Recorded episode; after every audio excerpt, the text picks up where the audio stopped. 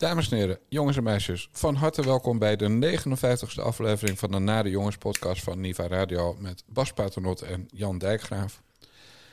En we konden deze week maar één thema nemen en dat is de Judas Special. Is, is trouwens ook een vrouwelijke variant op Judas, Bas? Uh, Juda of Judo? Mijn, ja, mijn bijbelkennis is niet heel goed. Dus nee, ik durf daar niks over, over te zeggen. Ja, dan doen we gewoon Lilianne. We gaan praten over het nieuws van de dag. En dat begint uiteraard met Lilianne Ploemen. Zij stopt per direct als leider van van de PvdA. En geeft ook haar kamerzetel op, laat ze in een verklaring weten. Ze schrijft dat het als eh, partijleider belangrijk is om leidend en opinievormend te zijn op alle onderwerpen. Om niet alleen een leider te zijn die Den Haag kan openbreken als het gaat om wat er leeft in ons land en in de Kamer. Maar ook een die bedreven is in het debat in de plenaire zaal van de Tweede Kamer. Ik vind dat ik dat niet goed, goed genoeg kan waarmaken. En daarom treed ik terug, zegt zij. Nu ik dat besluit genomen heb, dan moet ik ook niet meer mensen voor de voeten gaan En lopen. de mensen die op u gestemd hebben, Ja. die hebben ook wel, misschien ook wel bewust op u gestemd, of Ja. op vrouw gestemd. Ja, nou, dat- tegen die mensen zou ik willen zeggen... uw stem en uw vertrouwen is in heel goede handen... bij de mensen van de PvdA-fractie. En ik blijf een betrokken partijlid. Ja, voor de mensen die eh, wel de Tweede Kamerdebatten op de voet volgen. Dit is dus eh, de, tot, voor- tot, eh, tot dinsdagmiddag de fractievoorzitter van de PvdA, Lilianne Ploemen. Tamelijk onzichtbaar. Ja. En nu is ze weg, Bas. Nou ja, het is, het is natuurlijk wel raar. Hè, als je, ze heeft dus een verklaring uitgegeven vanmorgen. En, eh, en daarin zegt ze dat, ze dat ze een besluit zou nemen over haar politiek leiderschap eh, rond de gemeenteraadsverkiezingen. Eh, maar ze is nog niet eens zo lang partijleider hè, van de PvdA. Ik bedoel, ze is vorig jaar is ze gekozen. Ja. Dus het is wel een vorm van kiezersbedrog, denk ik. Wat denk, denk jij, ik. Jan? Daarom heet ze Judas. Ja. Nee, natuurlijk. eh, we moeten. eh, trouwens, haar partijgenoot Khadija Ariep. heeft als, als Kamervoorzitter wel 300.000 keer lopen klagen over Kamerleden die tussentijds aan hun stutten trokken. Ja, opstappen. Ja. En die hadden dan nog een, eh, een andere baan. En zij gaat gewoon eh, uit de wacht, wachtgeldzak graaien. Omdat ja. dat ze zelf vindt, en daar een goed stukje analyse, zelfanalyse, dat ze niet geschikt was voor het vak. ja. Maar ze komt er wel laat achter hoor. Misschien had ze dat eh, zich wat eerder moeten bedenken.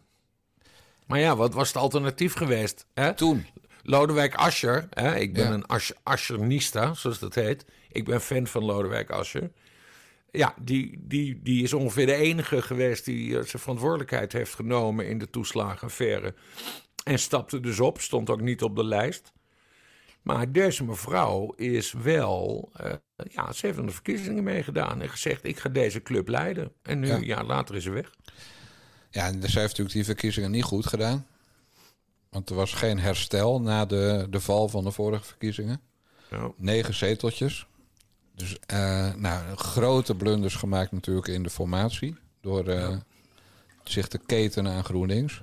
Ja, dat is de grootste fout geweest. Want daar heeft ze dus ook stront mee gekregen binnen de eigen fractie. Ja. Want je hebt dus, je hebt dus kla, eh, Klavrianen. eh, en mensen die dat niet zijn. En met name Kati Piri is een Klavriaan. En zijzelf was dus een Klavriaan. Maar eh Adje Kuiken en Kadia Riep... Die, die zitten er helemaal niet op te wachten. Dat uitleveren aan GroenLinks.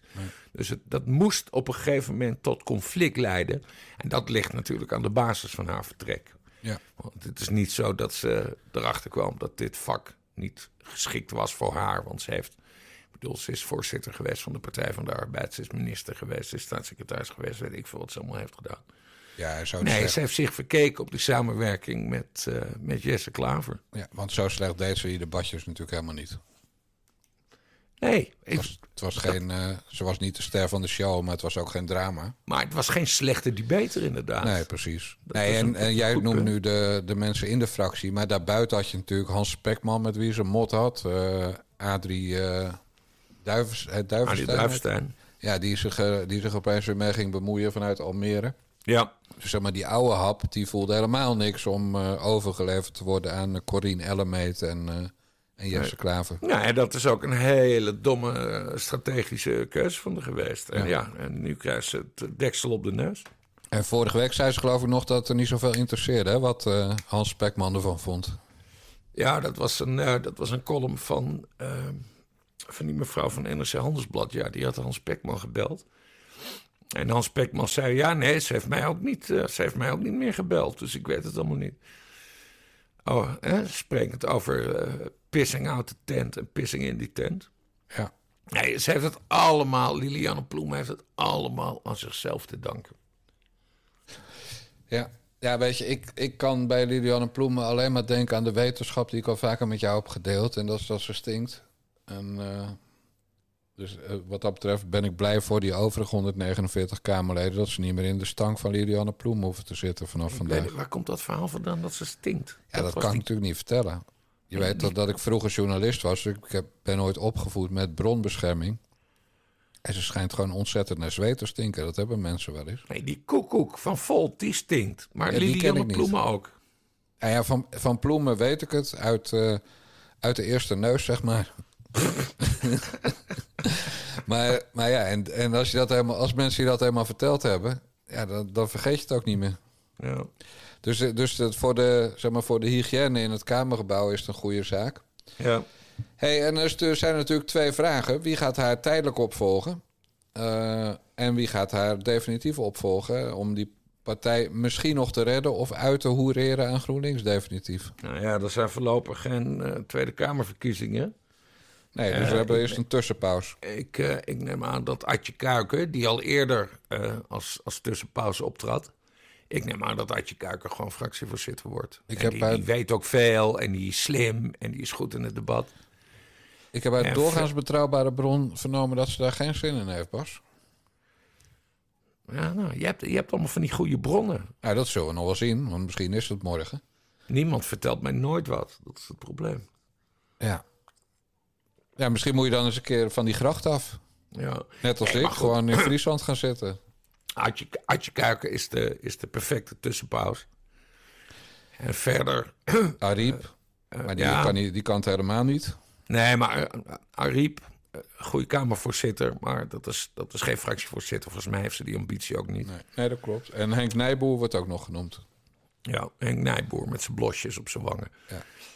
Eh, nee, ik had een eh, heel En interessant Katsi Piri wordt genoemd trouwens. Ik- Ja, nee, maar Kat, eh, Katipiri is dus een Klavriaan. En de Klavrianen hebben verloren. Ja, ja, dus. Katipiri gaat het sowieso niet worden. Nou, dat is mooi. Die mag maar ik had het erover met een, eh, een hele oude kennis van mij. Ander admiraal.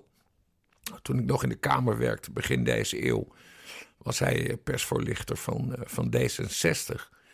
En ik zat een beetje met hem te twitteren van, eh, vandaag... op de dinsdagochtend. En hij zegt zo, hij zegt eh, van eh, de, misschien is de geschiedenis van de Partij van de Arbeid nu gewoon, gewoon afgelopen. Hef die partij op, laat wat overblijft uitwaaien naar bijeen, naar D66, naar de SP. En ik heb daar de hele dag over nagedacht, want ik denk dat hij toch gelijk heeft. De, de, de Partij van de Arbeid is afgelopen.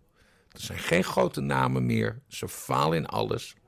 We hebben nu zoveel linkse partijtjes in de Kamer. Hef de club gewoon op. Ja, dat doet echt pijn hoor, dit. Ja, dat weet ik, want jij bent eh, in principe een sociaal-democraat. Ja.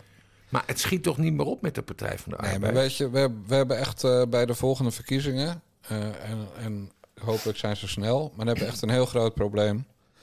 We komen zo nog op eh, Joost Eertmans, die, eh, die heel veel potentie had, maar dat ook aan het vergooien is.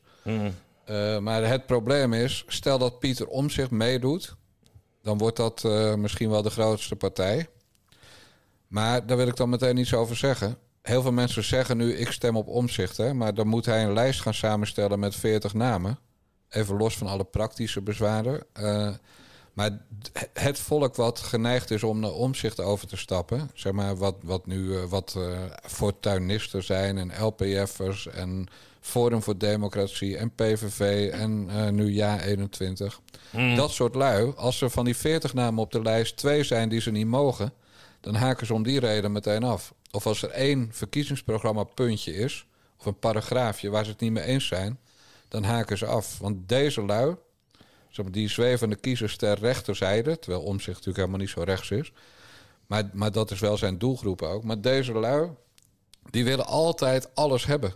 En, en zodra eh, hun politiek leider dan iets niet doet, tenzij het een sect is, hè, zoals bij Baudet, die secteleden, maar normale mensen die geen sectelid zijn, ja, die, die, eh, die zijn dan echt van alles of niets. Dus stel dat, dat Omzicht dan een bepaalde boer op die lijst zet, en die boer heeft in 1983, eh, nou, toen had je nog een, geen eh, Twitter, maar bij wijze van spreken iets geroepen over ja, Ajax.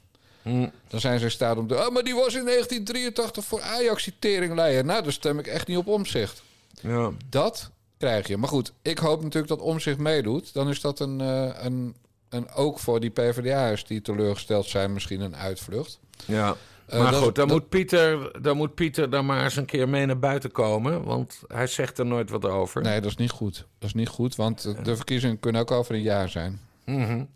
Dus dat is echt gewoon slecht van hem. Eh, en hij is natuurlijk veel te druk met allemaal dossiertjes om zich met deze grote lijn bezig te Nou, maar houden. ik zie, ik zie Pieter Omzicht en ken hem, ik ken hem al echt al honderd jaar. Ik zie, ik zie het hem ook gewoon niet doen, een, een nieuwe partij oprichten.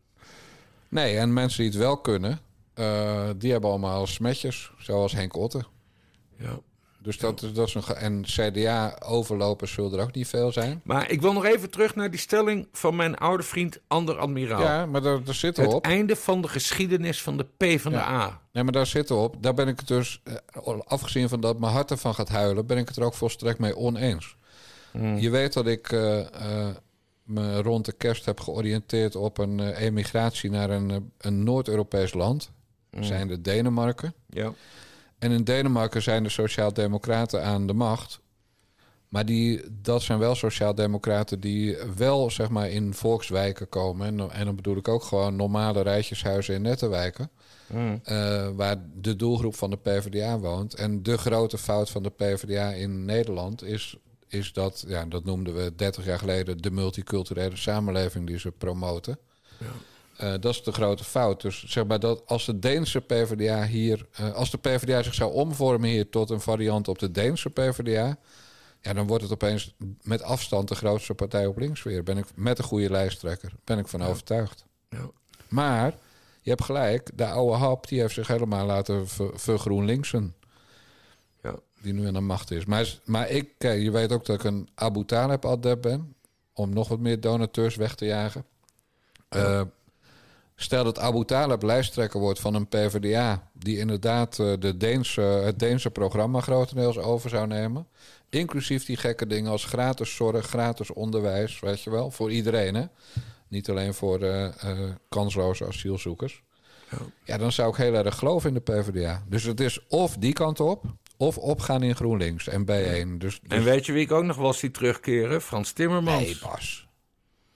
Bas. Nee, maar die heeft zo'n ego. Ja, maar die voelt zich nu de koning van Europa. Ja, maar dat hij dan afdaalt uit Brussel. Hè, want dat gaat allemaal niet zo goed met zijn eh, klimaatproject. en we moeten eigenlijk gaan we weer kolen stoken. En, en zelfs kernenergie ligt weer in, eh, in beeld. Misschien dat hij afdaalt uit zijn, uit zijn ivoren toren in Brussel. En, En echt- zegt, weet je wat, misschien moet ik de PvdA gaan leiden. Ja, dus hij gaat dan van, eh, van 35.000 euro per maand en een goudgerand, nou zeg ik, platina omrand pensioen, gaat hij naar eh 12.000 eurotjes max. En weer het, het ouderwetse handwerk oppakken. Ja. Dus eh, nee, dan weet je toch zelf het antwoord wel. Ja, maar hij had wel lol in de politiek. Ik heb hem als Kamerlid meegemaakt. Hij had er wel lol in. Was dat de periode dat hij met zijn armen over elkaar boos zat te wezen? Dat hij Ja, geen- ja, toen hij geen fractievoorzitter Ja. werd. Ja, toen ze van, oh, je komt niet meer naar de fractievergaderingen. Want jullie hadden mij fractievoorzitter moeten maken. Als Timmermans zich kandidaat stelt, dan wordt hij het zeker, omdat hij bij de Europese verkiezingen goed scoorde, relatief. Dus dat, ik snap dat, dat hij het dan zou worden. En ik zei, ben als, als dagelijks columnist ben ik ook dolblij als Frans Timmermans terug zou komen naar Nederland. Ja. Maar als inwoner van dit land komt er dan een tweede naam, op mijn lijstje met als die premier wordt emigreer ik. Na Sigrid Kaag komt daar Timmermans dan bij. Ja, ja, Daar moet je toch niet aan denken, man. Nee, de, de, de kern, ik, ik, ik zeg het nog één keer en dan hebben we het voldoende zeg jij. besproken. De PvdA moet er serieus over nadenken om zichzelf eh, op te heffen. Ja, maar als je die stelling nou, aan, nou hanteert, hè, de VVD is ook naar D66 opgekroop, eh, opgeschoven. Dus dan kan de VVD zichzelf ook wel opheffen. Want dat is gewoon D66 en niet eens meer zwaar. Ja, dat is wel een hele grote filosofische exercitie. PvdA opheffen ook, Bas, voor iemand die lid is geweest, van, opgegroeid is met die club en Kijk, lid is de- geweest de- van die club. De VVD krijgt een eh, veel groter probleem eh, wanneer Mark Rutte baas van de NAVO wordt of, eh, of iets Ja. anders gaat doen. Nee, want- dat argument wat je voor de PvdA gebruikte, de kwaliteit van de overgebleven mensen, geldt bij de VVD ook. Ja. Nee, weet je, als, als je Kuiken nou tijdelijk eh, fractievoorzitter wordt, dan wordt het in elk geval weer een echt rode partij. Want Ja. zodra die een microfoon ruikt, dan krijgt ze een, een kop als een boei. Ja. Weet jij trouwens waarom zij weigert om met Erik te vliegen te gaan lunchen? Nou, Nou, die schijnt haar al vijf keer te hebben uitgenodigd, maar ze negeert maar waarom hem gewoon. weigert ze? Hè? Waarom weigert Ja, ze? dat weet ik ook niet. Oké. Ik vind het wel aardig. Hè? Het is echt zo'n zo'n Friese blonde deerne. Ik Zoals bedoel, jij, ja, zoals jij mijn boekje Social Media wel de likes niet te lasten hebt gelezen. Wat je mij nog steeds niet hebt toegestuurd. Eh, zoals jij binnenkort gaat lezen in mijn boekje Social Media wel de likes niet te lasten, heb ik een heel hoofdstuk gewijd aan Adje Kuiken. Oh, wat schrijf je dan? Nou, dat, eh, dat social media eh, echt de hel kunnen zijn. Want nou, ik, ik heb toen als testje zeg maar even een stukje rood vlees voor de menigte gegooid op Twitter. Met alleen maar de tweet, ik heb een zwak voor Adje Kuiken. Ja. En in het boekje staan, staat dan een selectie van alle reacties die ik daarop kreeg. Mm. Nou, dat is echt. Dat is echt het niveau dat je denkt van. Ik ben principieel voor algemeen kiesrecht. En dat ben ik ook echt. En ook one man, one vote. Mm. Maar Jezus Christus, wat een randebielen lopen er in dit land rond. Want wat zeggen de mensen dan over Adje Kuiken? Grappen over haar naam. Eh, je hebt zeker geen seks thuis, zeggen ze dan tegen mij. Terwijl je weet dat ik op oudere vrouwen val en nooit Ja. op blond. Eh, gewoon het niveau poepen, pies en plas eh, grappen... die dan gewoon niet leuk zijn... omdat je zo 300 de uilskuiken, weet je wel... De, ja, Ja, groep die- 1 oh, basisschool. Domme shit. Ja. En dat, en dat houdt niet op. Honderden. En ik heb er een stuk of veertig in dat boekje gezet. Eh, en hetzelfde heb ik gedaan met... ik hou van Claudia de Brij. Nou, ik heb inderdaad een zwak voor Adje Kuiken... en ik hou echt van Claudia de Brij. Maar daar gebeurde dus precies hetzelfde. De vergelijking met paarden en zo... omdat ze dan een bepaald, bepaalde vorm gebit. Claudia de Breij hebben we het eerder over gehad. Ik, Dat vind ik een verschrikkelijke vrouw. Maakt niet uit. onoprecht. Maar, maar zeg Maar, dat maar dan. Adje Kuiken ben ik dus fan van. Want, want ik heb, dat kan ik, nou ja, laten we maar eens eh, iets opbiechten in deze. eh, in Je weet dat er een. Juice Channel komt hè, op politiek gebied. Ja, nee, daarom. Nee, maar ik heb een. Eh, in mijn scholierentijd, dus toen ik nog op het Drachtse Lyceum zat, heb ik enige tijd, of een korte tijd, een vriendinnetje gehad. wat eigenlijk als twee druppels water op Adje Kuiken leek. En daarom heb ik een, eh, een zwak voor Adje Kuiken. Laat ik het maar eruit gooien. Ja, de dochter van de slager, neem ik aan. ja, we hebben toch... Dat, dat was Ploemen, toch? Dochter van de slager? Of... Nee, van de melkboer. Oh, de melkboeren. Ja, er zijn heel veel Oh, dochters van de melkboer. Continu ging ze dat uitventen. Ja. Ah, mijn vader was melkboer. What the fuck. Terwijl we toch... Dat is zo'n bekende grap uit mijn jeugd in elk geval. Dat, dat is er een van de melkboer, werd er dan over... Ja, eh, verdomd. ja, Daar hebben ze helemaal niet bij stilgestaan. nee joh, dom. Jij zal wel van de melkboer zijn. Precies. Oftewel, Ja. eh, jij bent niet de dochter van je vader. Ja, oh, daar heb ik helemaal niet bij stilgestaan. Daar komen we nu pas achter. Dom, hè? Hadden we het hele mooi domme tegen kunnen gebruiken. Nee, maar het, het, eh, en dan, daarna sluiten we af. Ja. Maar eh, eh, het, het lijkt me de reden te liggen dat Adje Kuiken gewoon fractievoorzitter wordt. Ja, tijdelijk dan. En dan is de vraag wie het volgend jaar bij de verkiezingen overneemt. Ja. Ja, nou, wordt weer een leuke tijd, joh. Toch? Zo zie ik het maar hoor. Ik bedoel, het is voor ons gewoon handelbas, die stukjes die we tikken. Nou, dat is waar. We Ja, hebben toch? niks te klagen. Hé, hey, maar ik wil, eh, omdat dit een Judas special is, wil ik nu over naar de aller, aller, allergrootste Judas van de afgelopen week. En die, ja, die kan je eigenlijk maar op één manier inleiden en wel op deze manier.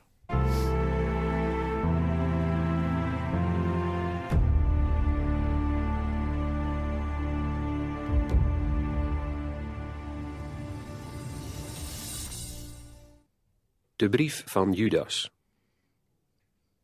Judas, een slaaf van Jezus Christus, maar een broer van Jacobus, aan de geroepenen, die in gemeenschap met God de Vader bemind en voor Jezus Christus bewaard zijn. Mogen barmhartigheid en vrede en liefde ten aanzien van u vermeerderd worden.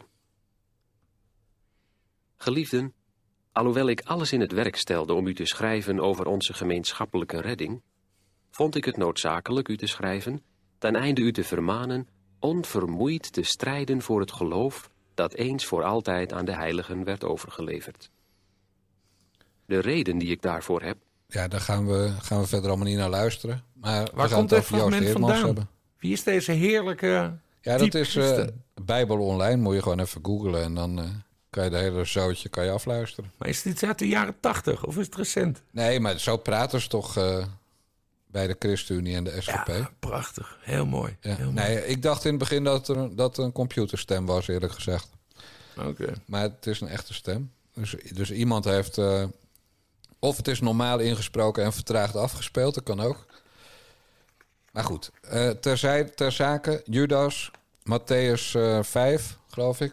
Mm. Van vroeger me nog te herinneren van eh categorisatie op de openbare basisschool in Bergambacht. Waar wij tijdens de lessen van dominee Oskam altijd seksboekjes lazen achter in de klas.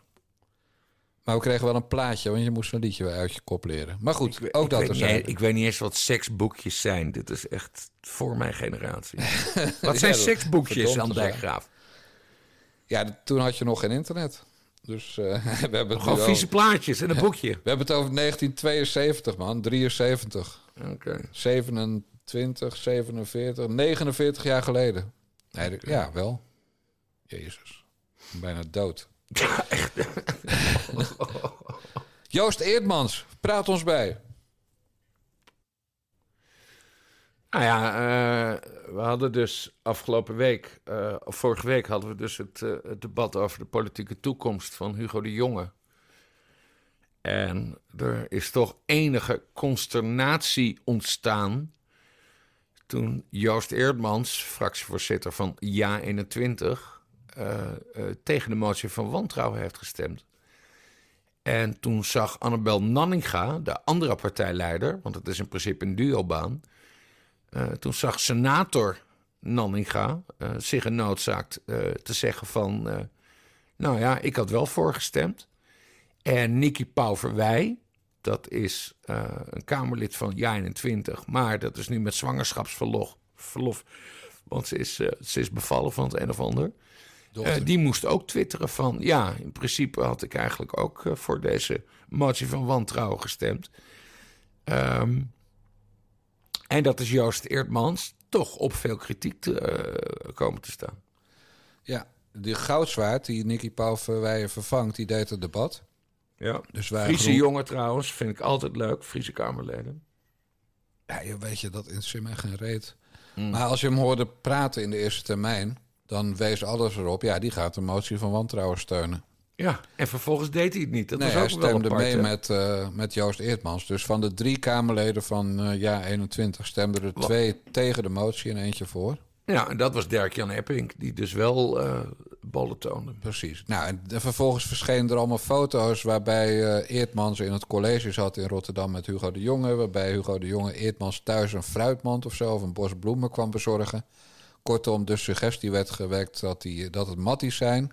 En er was nog één strategische suggestie die gewekt werd voor dit eh, rare stemgedrag. En dat was dat hij anders wel problemen zou krijgen om zijn, zijn partij Leefbaar Rotterdam. eh, waar hij verder niks meer voor doet, dacht ik. Maar dat die partij dan weer uit het college gehouden zou worden in Rotterdam. En dat dit dan een soort zoenoffer zou zijn. Heel ver gezocht. Maar ja, ik, ben, ik heb altijd al gezegd dat een onbetrouwbare hond is Joost Eertmans. Jij vindt dat geloof ik niet. Maar ik vind, ja, vind dat hij dat nu echt bewe- bewezen heeft. Nee, ik ken, eh, ik ken Joost al eh, al 100 jaar en ik mag hem erg graag. En ik vind hem ook een goed politicus. Ik heb hem wel aangesproken op zijn stemgedrag. Hè, want ik, ik ben naast journalist ook commentator. Dus ik vind dat je dan ook politici af en toe mag, eh, mag aanspreken. En ik zal niet uit de hele eh, DM klappen, want dat vind ik niet netjes. Maar eh, Lees hem even voor. nou ja, wat, wat, wat Joost mij heeft duidelijk gemaakt. Hè, dat, want ik, ik, ik appte hem op de avond van stemming. Wat de fuck gebeurt hier? En hij zegt eigenlijk, ja, het was gewoon politiek met een hele kleine p. Uh, hoezo nepotisme, hoezo corrupt? Slaat allemaal nergens op. Uh, Hugo de Jonge zorgde inderdaad voor verwarring. En was onhandig, ja, geef ik gelijk toe. Uh, maar hij heeft ook meermaals het boetekleed aangetrokken. en, en, en dan, want dat was een heel belangrijk punt, heeft heeft de voormalig minister de Kamer misleid. Ja, en dan zegt Omzicht, en dan Omzicht moet je mij horen. Dan zegt Eerdmans, nee, het is gewoon niet zo. Maar we zijn blijkbaar niet meer op zoek naar echte antwoorden. En een debat als vandaag voedt juist het enorme wantrouwen. Ikke, ikke, ikke, in plaats van oprechtheid of de waarheid. Ik vind het nogal wat, Bas. Ja, nou, ik ben het ook niet eens met uh, Joost. Nee, maar hier zegt hij dus precies wat Joba van den Berg de hele dag stond te roepen in dat debat. Ah, die Joba van den Berg was ja. zo'n ramp. Maar, maar het gaat natuurlijk juist wel om het liegen. Ja. En het liegen was, heeft u ermee te maken gehad? Nee, helemaal niet. Nee.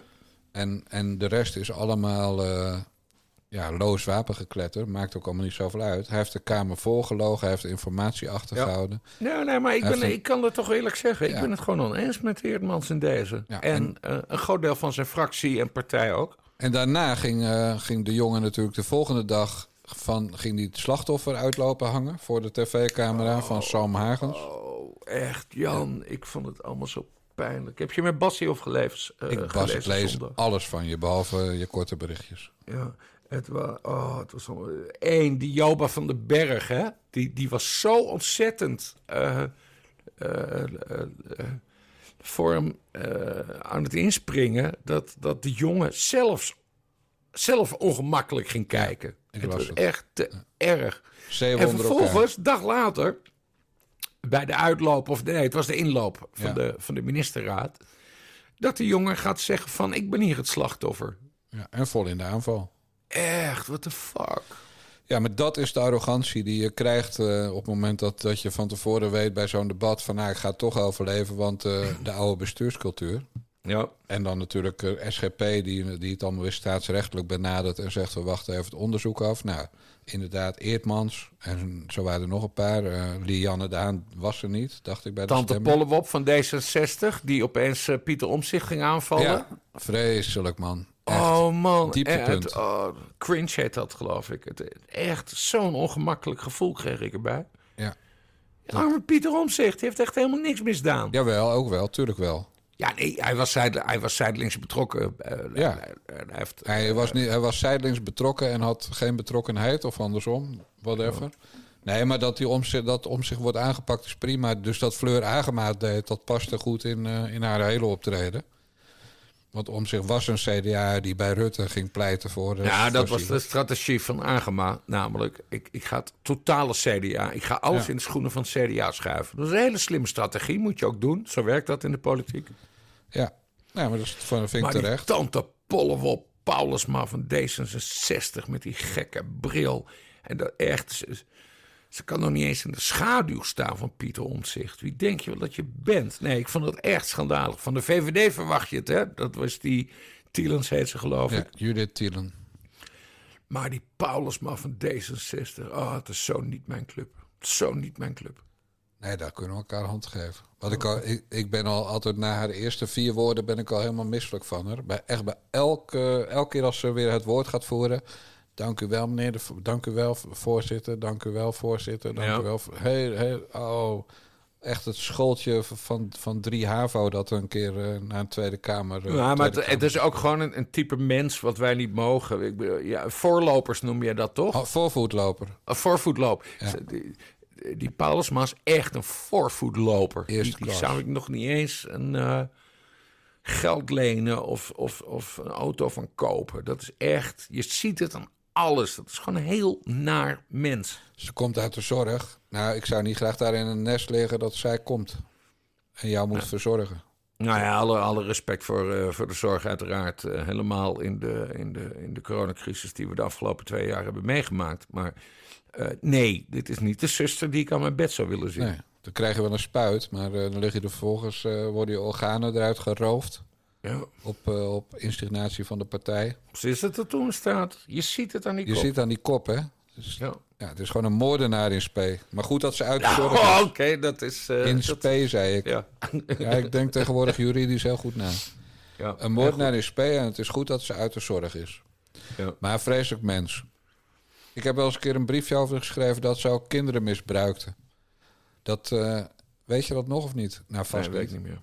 Een aantal D van die D66 kippen, ik noem ze dan maar bewust kippen, dat, dat, was, eh, dat ging over eh, het aantal, oh ja, een, hoe heet dat?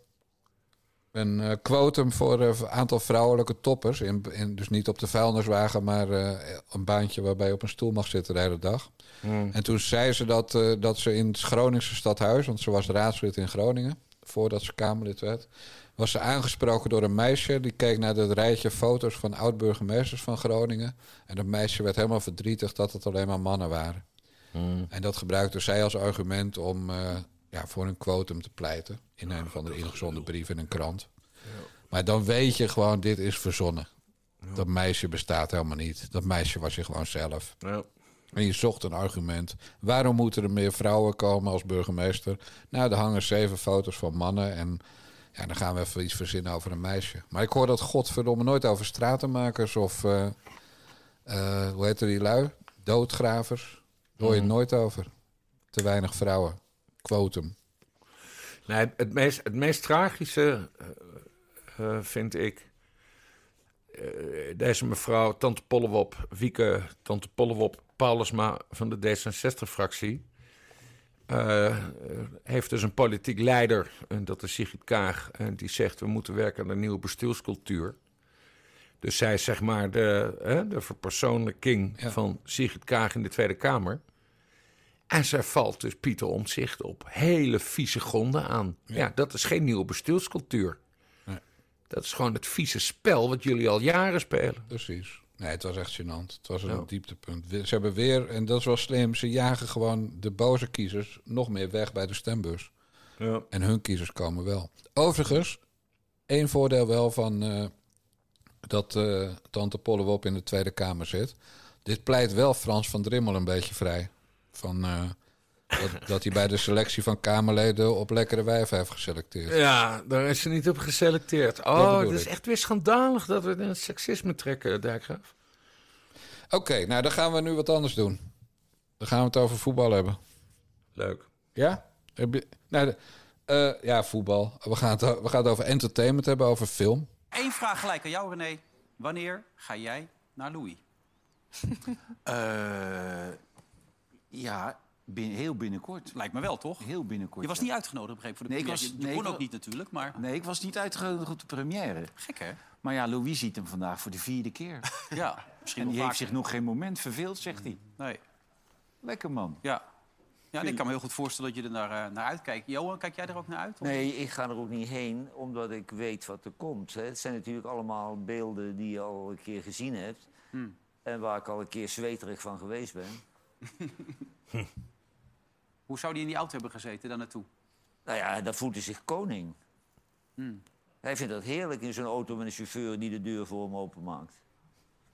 Nou ja, het is toch een hoogtepunt. Twee uur lang over jezelf. Hè? Dat is toch het mooiste wat je kan overkomen, Valentijn? Nou, absoluut niet. De, de, Nee? nee? het is ook geen pretje om het 2,5 uur of bijna iets meer dan twee uur naar zitten Je hebt hem kijken. gezien, hè? Ik heb er vanochtend eh, ben ik geweest. Preview was dat. Preview? Dus, eh, ja, Voor de vrienden ja. van Louis Voor de vrienden van. ja, lekker. van de media. Ja. Nee, maar het, het eerste kwartier is het alleen ik, ik, ik. En ik ben geweldig en ik ben de beste trainer van Nederland. En ik ben de beste man van Nederland. En ik snap alles en ik heb altijd gelijk.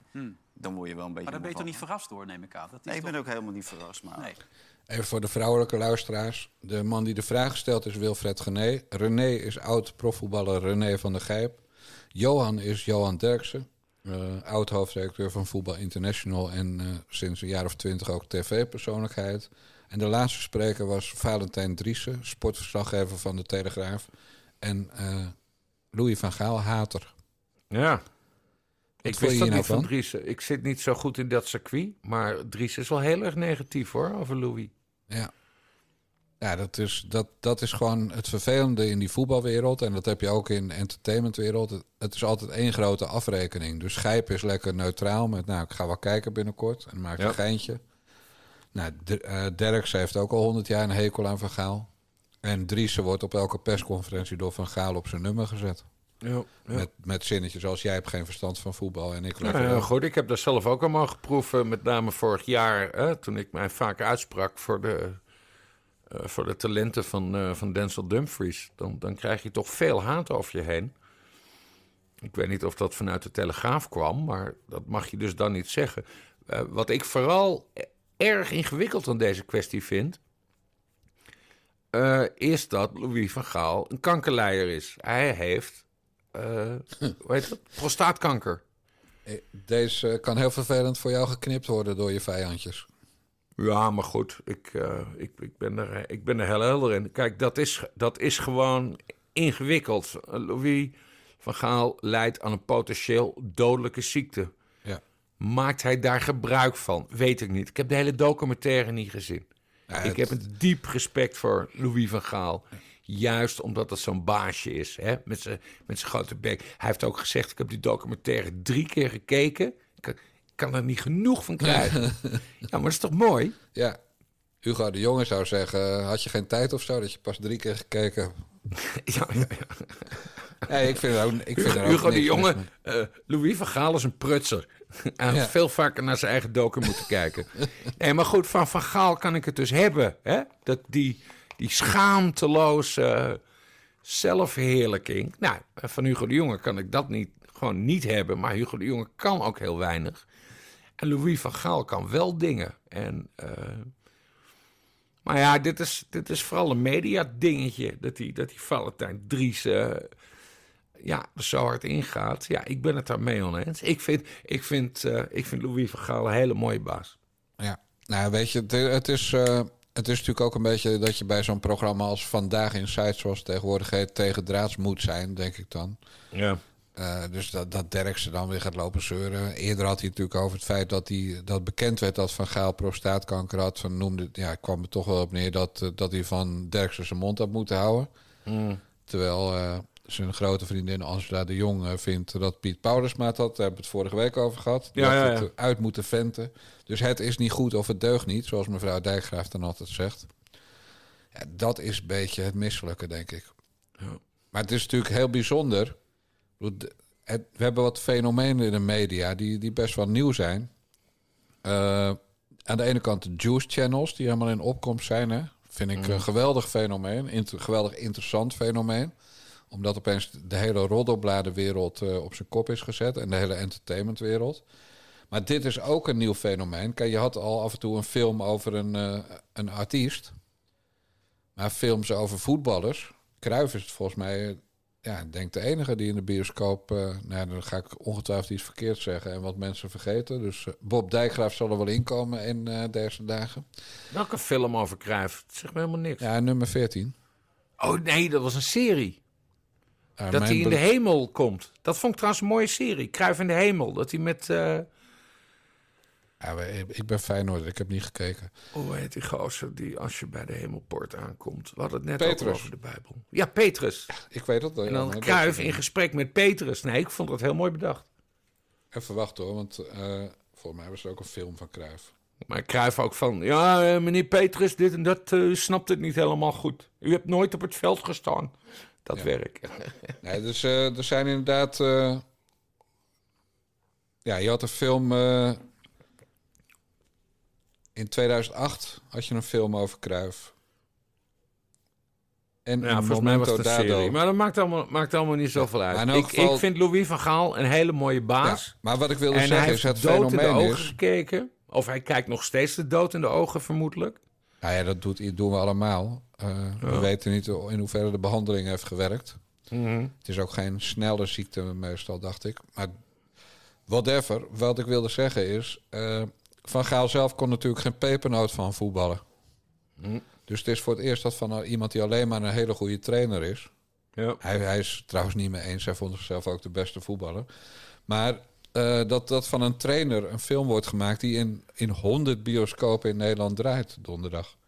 Ja. Dat is natuurlijk dat is bizar. Want het is ook niet zo dat Louis van Gaal geliefd is in Rotterdam. Ik weet niet of je deze in de Rotterdamse bioscopen moet gaan draaien... en in Nee. de Eindhovense bioscopen.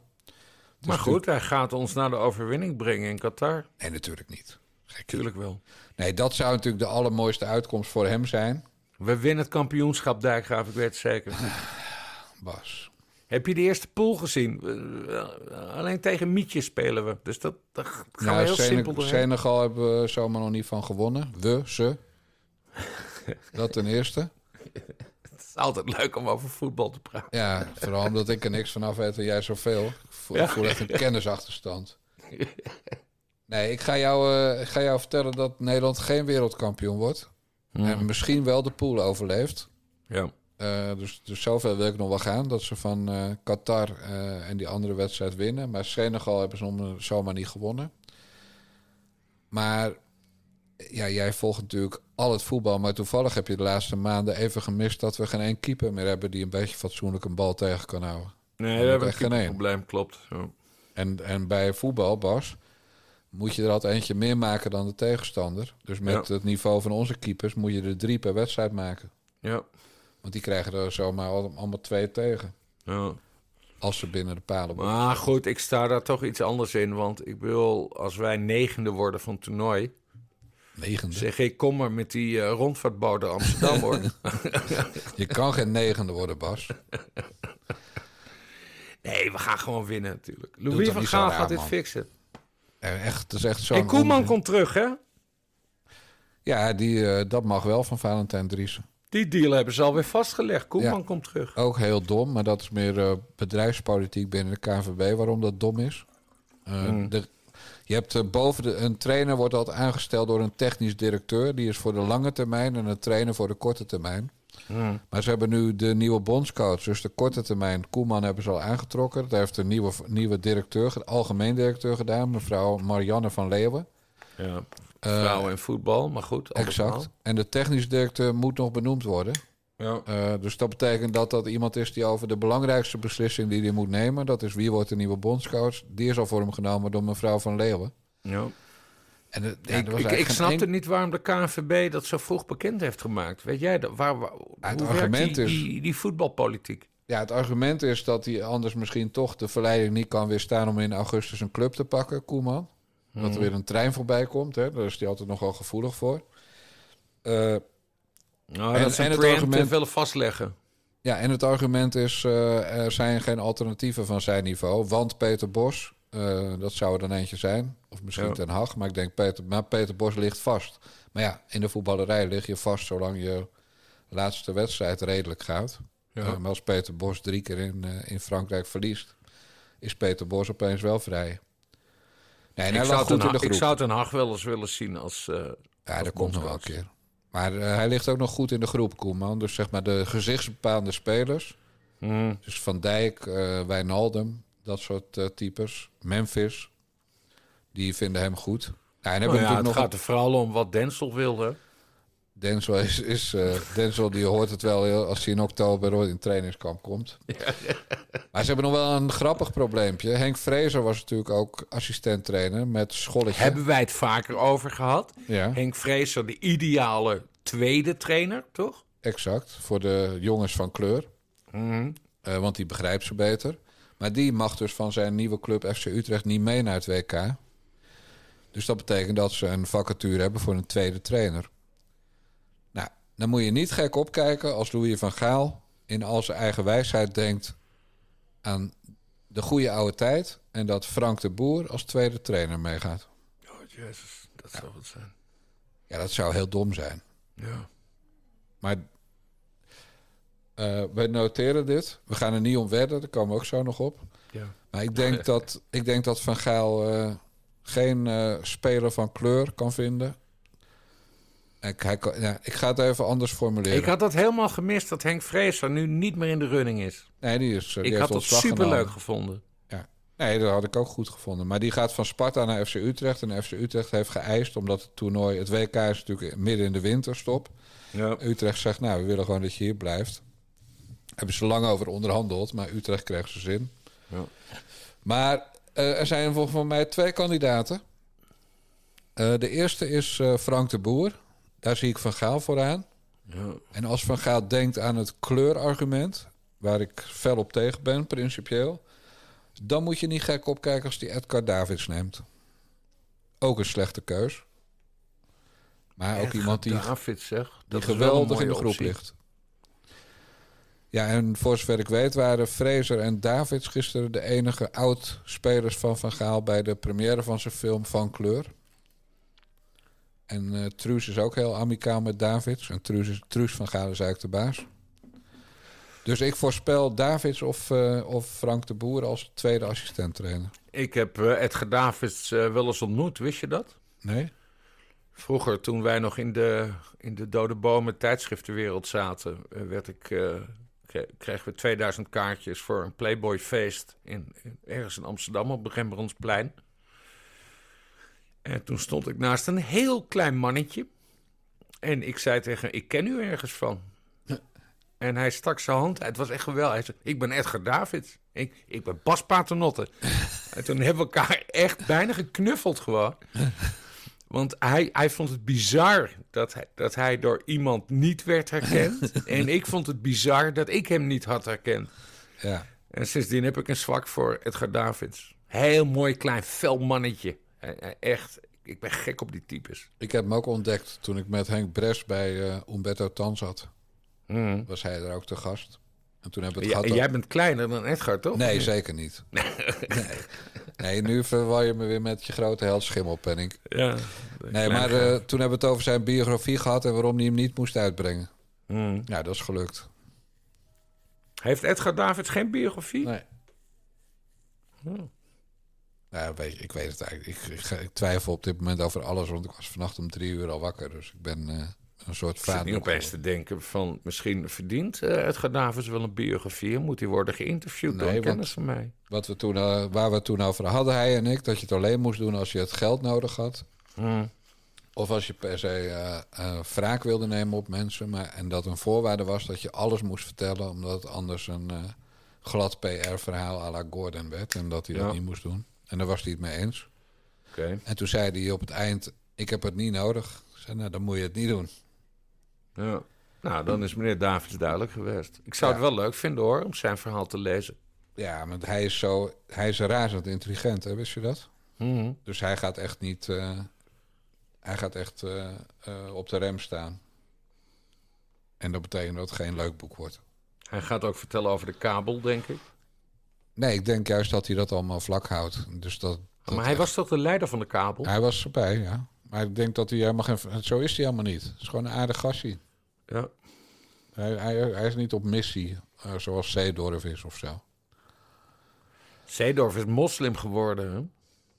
Ja, omdat hij met zo'n eh, zo'n omgebouwde Barbiepop getrouwd is. En NRC-columnist. Ja, ook heel erg. Ja, dat is typisch NRC natuurlijk. Deugen, deugen, deugen. Nou, Wat- we hebben het voetbalhoekje weer eh, gehad, Dijkgraaf. Ja, nog even over de NRC. Hoe vind jij nou dat, dat, dat ze Duk steeds pakken? Ja. De, ik, heb een, ik heb een dubbele relatie met NRC Handelsblad. Want ik ben natuurlijk al 100 jaar abonnee. En ze hebben een paar goede schrijvers en ze hebben vaak goed nieuws. Maar eh, NRC kampt met een zeer kwartaardig probleem. En dat is hoe ze... Hè, ze hebben eerst Pieter Omtzigt proberen aan te vallen. Hem in de Russische hoek te drukken. Wier Duk moet nu de hele tijd kapot. Ik, eh, nee, ik, eh, ik voel me daar niet prettig bij. Nee. nee ik heb dus ook keihard ingegrepen hier in eh Eesteren. Ja, wat heb je gedaan? Nou, ik had een abonnement met papier op zaterdag en digitaal door de week. En ik heb gisteren gebeld met zo'n 088-nummer. Hmm. En toen heb ik tegen die mevrouw die ik aan de lijn kreeg gezegd... ik zeg mijn abonnement op NRC Handelsblad op. Ik heb trouwens ook de Telegraaf en de Volkskrant... voor de mensen die alweer eh, hun donatie willen terug hebben. Ja. Eh, en toen zei die mevrouw, eh, mag ik vragen hoe dat komt? Ik zei, ja, natuurlijk. Op zaterdag hebben we papieren krant en de bezorger is onbetrouwbaar. En ik ben nogal vroeg wakker en ik wil gewoon dat de krant er voor acht uur op zaterdag is. Nou, dat is Ja. die er niet. Dus hij gaat meestal ongeopend in de kliko. En ik vind het verder steeds meer een D66-krant die oorlog loopt te schoppen over eh, de rug van mensen als eh Wier Duk. Ja. En dat laatste argument kon ze natuurlijk niks aan doen. Dus, dus ik zeg het abonnement op, zei ik tegen die mevrouw. En toen? Toen zei ze, nou, U betaalt nu 31 euro per maand. Ik kan u een uitsluitend digitaal eh, abonnement aanbieden voor 10,81 euro per maand. Ja. Dan kunt u kijken of het komend jaar nog zo is. Ik Ja. zei, nou mevrouw, dan gaan we dat doen. Want dan heb ik 240 euro verdiend. En dan houd ik toegang tot eh, die paar stukjes die ik af en toe nodig heb als inspiratie voor mijn briefje. Ja. En de column van eh Rosanne Hetsbergen. Ja. Nee, maar dat, dat, dat, is, dat is wel een groot verschil tussen jou en mij. Dan merk ik wel ons generatieverschil. Ik geef niet om papieren kranten. Ik ben digitaal abonnee van de Volkskrant, digitaal abonnee van NRC Handelsblad. En ik ben digitaal eh, eh, abonnee van de Telegraaf. En ik lees dat allemaal prima op mijn schermpje. Ik hoef niet dat vieze papier en de- je krijgt er zwarte vingers van. Al lang niet meer. My god, ik heb zelf... eh, Nou, maar je weet, we hebben samen Metro gemaakt. Ik vond het verschrikkelijk om het zelf te moeten teruglezen. Het papier stonk en je kreeg er vieze vingers van. Ja, maar dat is allemaal niet meer zo. En bij Metro deden we ook het goedkoopste papier. Maar daar Ja. gaat het niet om. Ik wil gewoon in het weekend de mogelijkheid hebben. Je woont dan buiten. En je, je moet het zo voor je zien. Het is 22 graden, zondagochtend 11 uur. Een uitgebreide brunch. Buiten op, op de veranda. En dan na afloop een krantje lezen. Ja. En dan heb je weer ideetjes voor een week stukjes. Zo, zo moet je dat zien. En, en natuurlijk werkt het op een iPad en zo ook allemaal wel. Maar ja, ik wilde gewoon op zaterdag papier. Ja. Maar daar ging het niet om. Ik heb ze 20 euro per maand afhandig gemaakt... omdat ze weer duk aanpakken. Dat wilde ik kwijt. Ik heb ze Nou, nou, genaaid, die teringleiers van de NRC. Ja, klaatzakken. En volgend jaar zeg ik definitief op. Ja. En dan wacht ik drie maanden, dan neem ik een proefabonnement... dan is het nog goedkoper. We gaan ze helemaal te grazen nemen, Dijkgraaf. Ja, nee, en ik bedoel, bedoelde natuurlijk niet om, omdat ik nou stoer wilde zeggen dat ik een laffe hond was die helemaal niet heb opge- echt heeft opgezegd. Nee, ik bedoelde het natuurlijk als tip aan alle andere krantenlezers. Zeg waar dan ook je abonnement op. Ja. En, nee, en doe dat telefonisch. Want 99 van de 100 eh, keer krijg je dan een aanbieding om te verlengen voor heel weinig. Ja. En lees sowieso digitaal. Ja, dat, dat zei mevrouw Dijkgraaf ook. Van, ik vind het wel erg dat we zoveel papier in die kliko gooien. Ja. Ja, toen zei ik, ja, ik kan er toch niks aan doen dat Richard de Mos zijn boek niet meer verkoopt. Nee, dat dit was nou een weer? bruggetje. Dat is natuurlijk helemaal niet waar. Ik, er is geen één boek wat, wat, ik, wat, je, wat drie jaar nadat het uit is gekomen nog actueel is. En dat gaat bij Richard de Mos wel gebeuren. Want het proces begint pas begin 2023 als het er al komt. Ja, wat sowieso schandalig is. hè. Dat bedoel ik. Nou, dan gaan we even de losse eentjes doen, oké? Ja. Dat herkende je wel, toch? Nog Nee. een keer. Wat de fuck is dat? Wat hoor ik? Dames en heren, de jackpot. Vorige week. Was het in de uitzending eigenlijk, Bas, dat we gewet hebben? Of op Twitter? Nee, was in de uitzending. Oh. En daarna heb ik het op Twitter uitgespeeld. Oké, ja. We hebben gewet om 50 euro. Dit is echt geen jackpot-geluid. Je, dit- Nee, moet ik- dit een geluid zijn van een gokautomaat? Ja, maar die is op Ping, tilt. ping, ping, ping, ping, ping, ping, ping, Nee, ping. Dat is is het geluid van de geslagen. jackpot. Dit is eigenlijk... Godverdomme, ik moet... er- Dit is al de derde keer dat ik vloek. eh, en dat komt door vermoeidheid. Sorry mensen. Eh, weer donateurs minder. Dit was eigenlijk het geluid van een portemonnee die open gaat... wat ik versneld heb afgespeeld. Misschien kan je het nu horen. bizarre geluidseffect ever. En ik wil dan, dan de grap maken. Nee, Bas Paternotte doet niet zijn rits open omdat hij moet pissen. Want ja, dat is toch een soort rode draad geworden. Jouw, eh, jouw lekkende alles. Voor en achter. Eh, Jij maar- bent de eerste geweest die de opname onderbrak omdat je moest plassen. Niet ik. Ja, maar toen heb ik het eruit gehaald.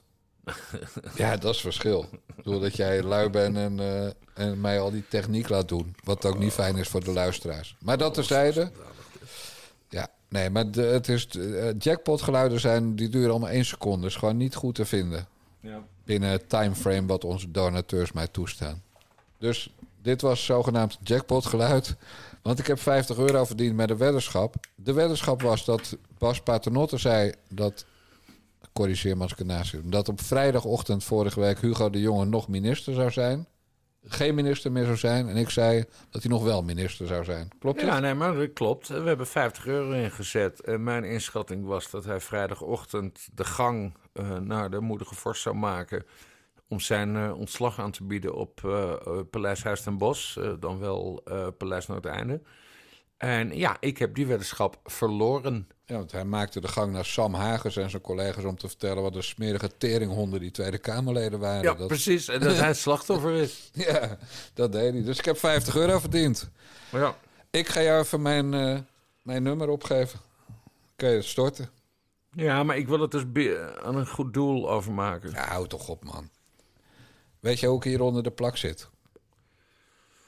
Ja, maar we kunnen toch iets doen voor de, de zielige Ik ging- dieren of zo? Ik ging gisteren naar de karwei. Ging ik hout halen omdat mevrouw Dijkgraaf nieuwe bakken in de moestuin moet hebben.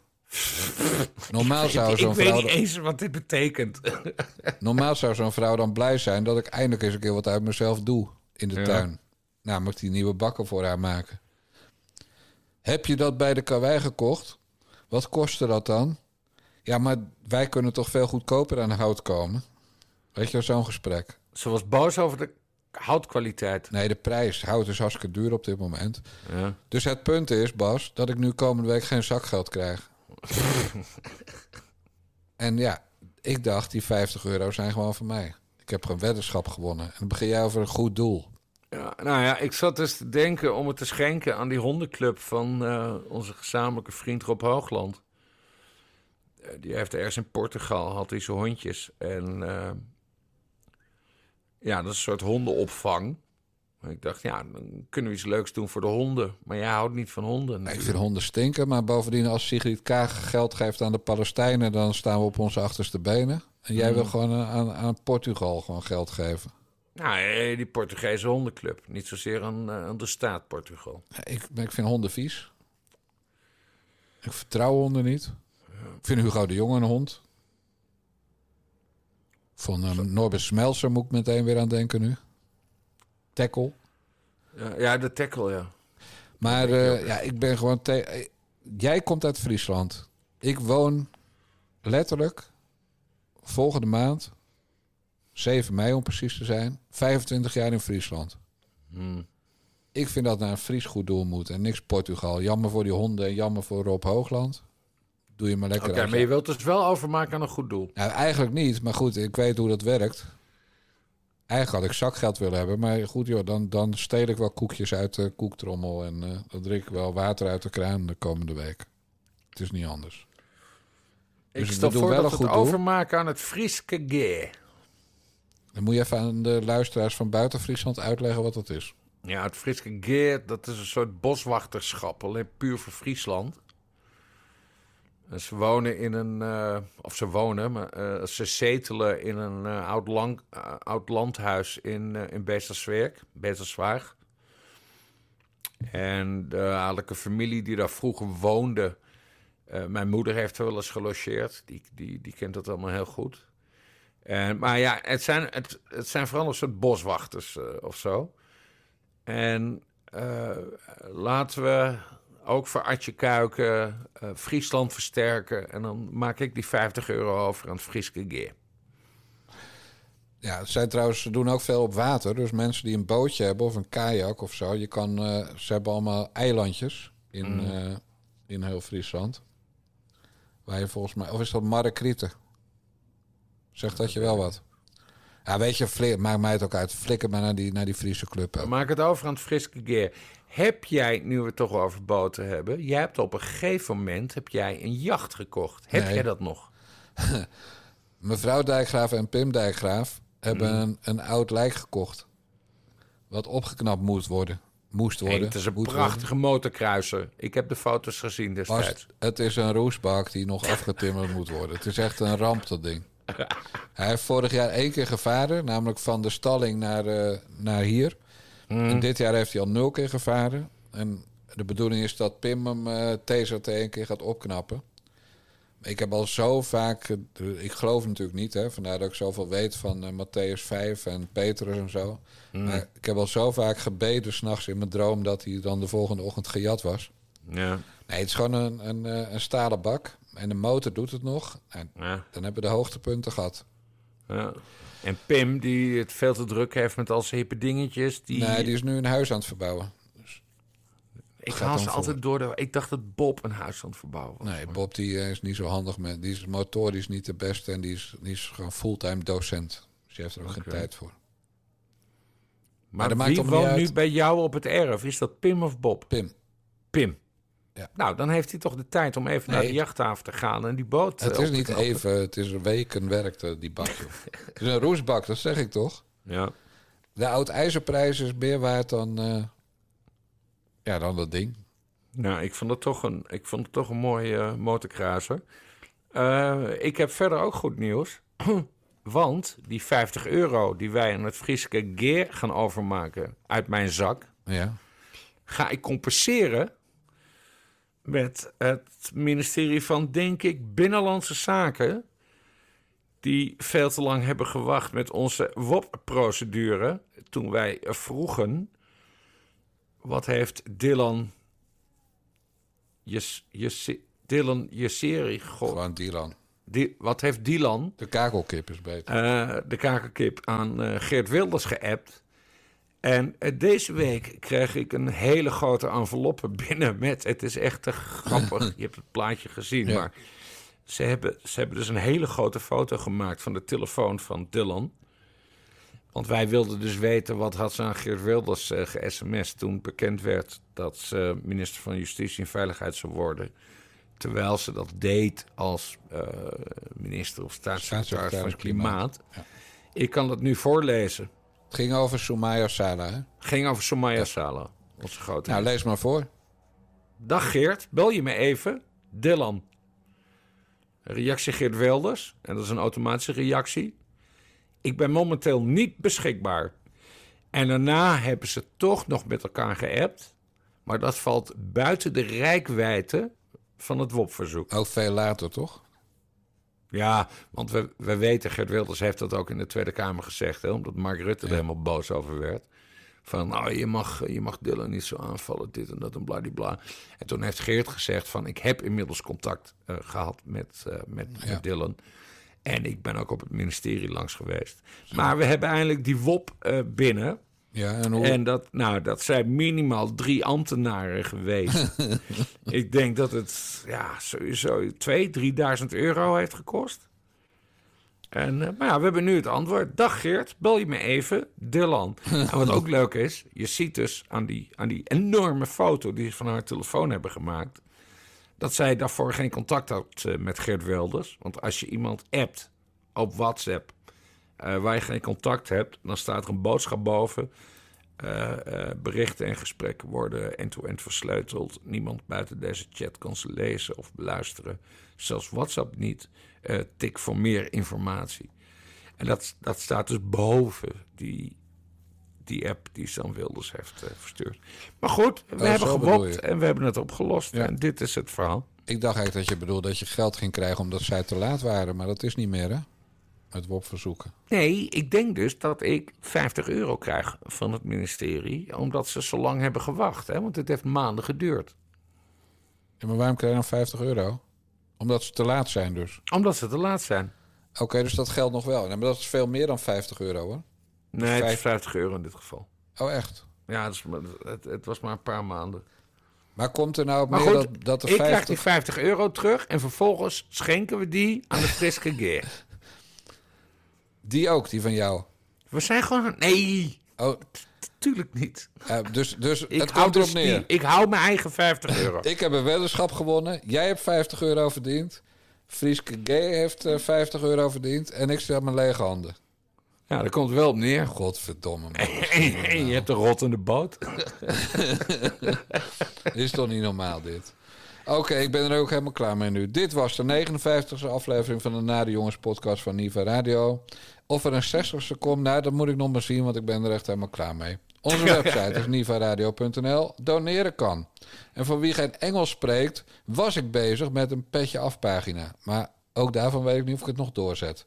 Tot die tijd kunnen jullie doneren bij de Nare Jongens podcast op tpo.nl, via narejongens.backme.org of via bunk.me slash Niva Radio. De mazzel. Doei doei.